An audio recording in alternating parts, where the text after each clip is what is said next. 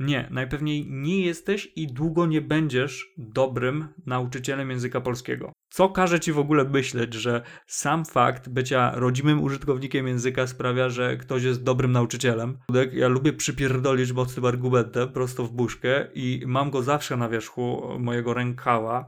Nazywam się Mateusz Stasica, a to jest najlepsze intro w Polsce. Albo nie, nie, nie ma intro, nie podobało mi się. Podcast z języczkiem czy bez? Zapraszam. Dzisiaj omówię ważny mit językowy. Z pozoru łatwa sprawa do rozstrzygnięcia, co? Przecież pokutuje przekonanie, że najlepiej nauczysz się języka z native speakerem. Ale skoro słuchasz tego odcinka, to pojawiła się żółta lub czerwona lampka w twojej głowie i zaczynasz się zastanawiać, czy warto uczyć się z native speakerem? Czy to na pewno dobry pomysł? Wszystkiego dowiesz się z tego właśnie epizodu. Najpierw, któż to ten native, potem opowiem tam o tym, dlaczego odradzam, a na koniec troszeczkę o tym, komu z kolei polecam nauczanie z natywnymi użytkownikami języka. Kim jest native? First things first, jak to mawiają Rosjanie, kim jest native. Tak zwykło się mawiać na rodzimego użytkownika języka, który, um, którego ty chcesz się nauczyć. W takim wypadku jesteś prawdopodobnie native speakerem języka polskiego, czyli właśnie natywnym, rodzimym użytkownikiem tegoż. Jeżeli na początku paliła ci się żółtka, żółta lampka w głowie, to teraz powinna ona być już czerwona. Słuchaj dalej. Dlaczego nie wybierać native'a jako nauczyciela? Na początku mam do ciebie pytanie, przy pomocy którego przejdziemy do sedna i spróbujemy określić, czy warto uczyć się z native'em. Czy jesteś dobrym nauczycielem języka polskiego? Zastanów się przez chwilę i odpowiedz sobie sam lub sama przed sobą tak szczerze. Czy masz jakiekolwiek umiejętności i wiedzę z zakresu nauczania języka polskiego? Znasz metody? Czy znasz sposoby na wytłumaczenie poszczególnych zagadnień? Czy wiesz, co robić, kiedy do Twojego podopiecznego nie dociera to, co starasz się przekazać? Jak się zachowasz? Jaką przyjmiesz wtedy strategię? W jaki sposób wyegzekwujesz wszelkie próby, ćwiczenia. A co robisz, gdy ty popełniasz błąd? Jak się zachowujesz, kiedy brakuje ci wiedzy z pewnego zakresu, a akurat o te kwestie pyta twój podopieczny? Mógłbym tak jeszcze naprawdę długo, ale po co? Nie, najpewniej nie jesteś i długo nie będziesz dobrym nauczycielem języka polskiego. Co każe ci w ogóle myśleć, że sam fakt bycia rodzimym użytkownikiem języka sprawia, że ktoś jest dobrym nauczycielem? No zobacz. Kierujesz samochodem, bo co? Bo jesteś mechanikiem? Że tak powiem, bez ogródek, ja lubię przypierdolić mocnym argumentem prosto w buźkę i mam go zawsze na wierzchu mojego rękała, mm, niczym as, którego widać ostentacyjnie i, i zupełnie się tym nie przejmuję po prostu. Mam tak, ponieważ słyszę czasami zarzuty w kierunku mojej szkoły językowej e, online PLA School, że nie zatrudniamy obcokrajowców po pierwsze y, zatrudniały, a po drugie nie są oni tak potrzebni jak wam, osobom, które nie znają się na lingwistyce, się często wydaje. Wracając do tego mechanika.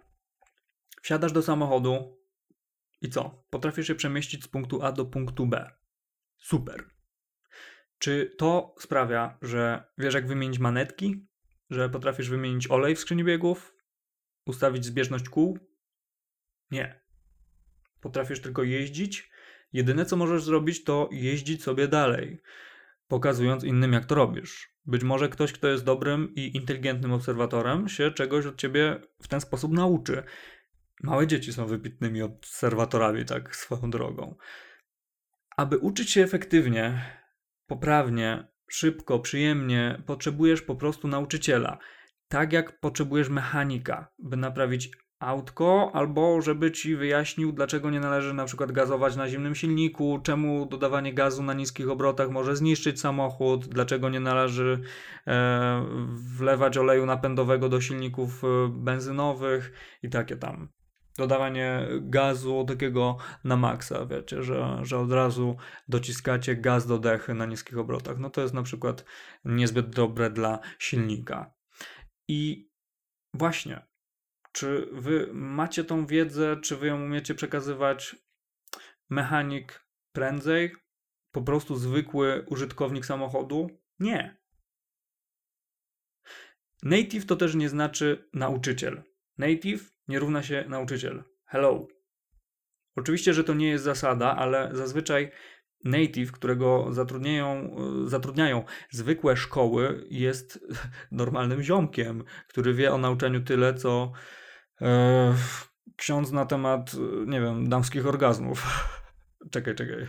Wait. W sumie, w sumie to teraz mamy takie czasy, że, że różnie to bywa, ale wiecie o co mi chodzi.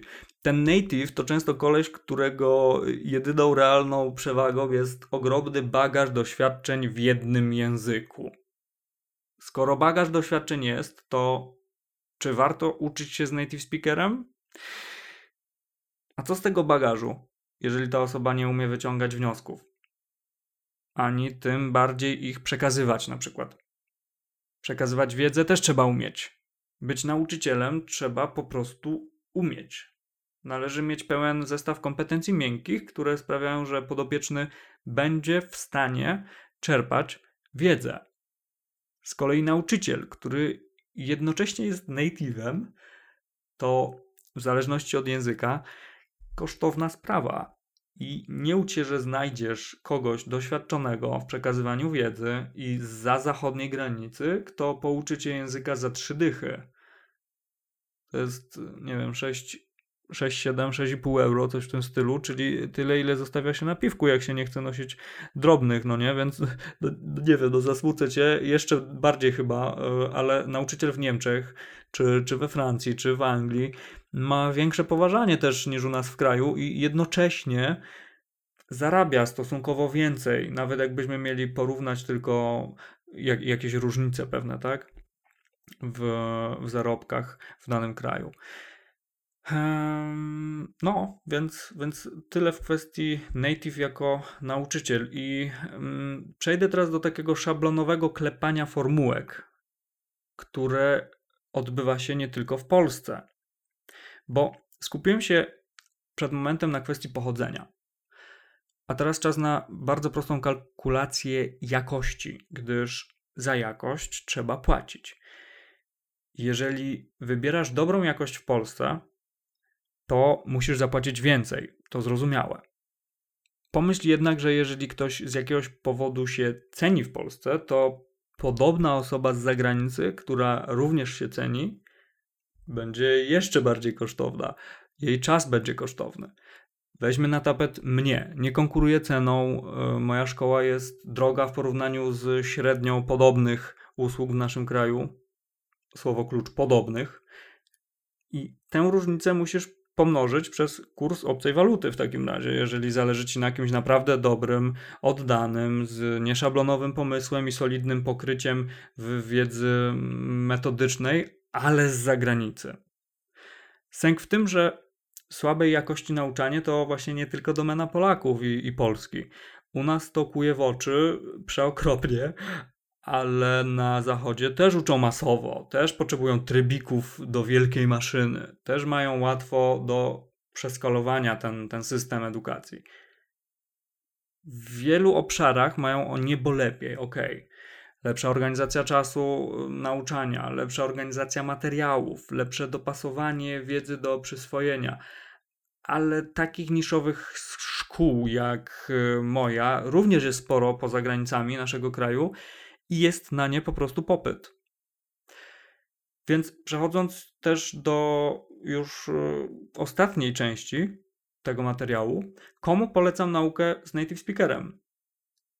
Znacie mnie albo nie, ale kolor biały oraz czarny uwielbiam tylko w ubraniach i dodatkach i humorze. W sumie broń też może być biała, czarna. I pewnie w wielu innych tematach, ale na pewno większość kwestii jest szara. To znaczy, że nie ma jednoznacznej odpowiedzi, i większość inteligentnych ludzi często odpowiada: To zależy. Ci najbardziej inteligentni mówią często to zależy, a później rozwijają swoją myśl. I jak sobie tak już posłodziłem, to teraz ja rozwinę. Bo nigdzie nie napisałem, że kategorycznie odradzam native'ów. Ba, wspomniałem, że zatrudniamy ich w szkole. Chodzi o zdrowy rozsądek. Absolutnie nie ucz się z nauczycielem z zagranicy, jeżeli dopiero zaczynasz naukę języka. Porządny nauczyciel z Polski nauczy cię, jak się w ogóle uczyć, ale też precyzyjnie przekaże, przekaże ci wiele istotnych informacji, które przyspieszają cały proces mm, na samym początku. Nie chcę się też rozwodzić nad tym, że na przykład istnieje coś takiego jak gramatyka komparatywna, bo zacznę wchodzić w takie szczegóły, że braknie mi po prostu czasu. E, Zaufaj mi po prostu, że najlepiej ćwiczyć z native'em, kiedy osiągniemy poziom mniej więcej B1, B2, czyli jesteśmy w stanie w miarę swobodnie się komunikować, jesteśmy na tyle świadomymi użytkownikami języka, że mm, wiemy, kiedy coś nie jest jasne. To kluczowe, tak na dobrą sprawę. Czy warto uczyć się z native speakerem na wyższym poziomie? Tak, o ile masz na uwadze e, również więcej kryteriów niż po prostu tylko i wyłącznie to miejsce urodzenia. Co do poziomu jeszcze. Zbyt niski poziom twój, twojego języka obcego, to brak tej platformy porozumiewania się. Potrzebujesz tej platformy, aby pre- precyzyjnie i dokładnie przekazywać lub odbierać komunikaty tą platformą jest Twój język ojczysty, jeśli, jeśli dopiero zaczynasz przygodę z językiem obcym.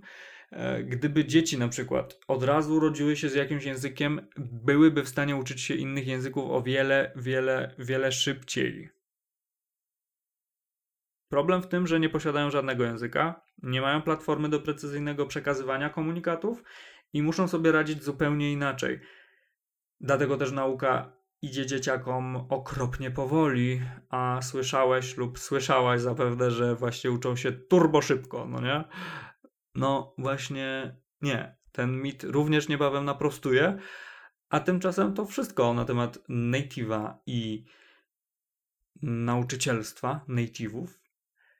Więc zapraszam do mojego bloga. Zapraszam do zerknięcia w opis tego epizodu. Na dzisiaj to wszystko. Zapraszam w przyszłym tygodniu w czwartek, jak zwykle. Zwykle. Ach. Do usłyszenia. Ciao. Wow! Słuchasz mnie do końca? Jeżeli moja praca ma dla Ciebie wartość, proszę poświęć parę sekund na ocenę, zostawienie pięciu gwiazdek, ok, jak komentarza. To dla mnie bardzo ważne. Zapisz się też do newslettera, link w opisie. Otrzymasz dodatkową wiedzę i materiały językowe. Dobrego dnia, cześć.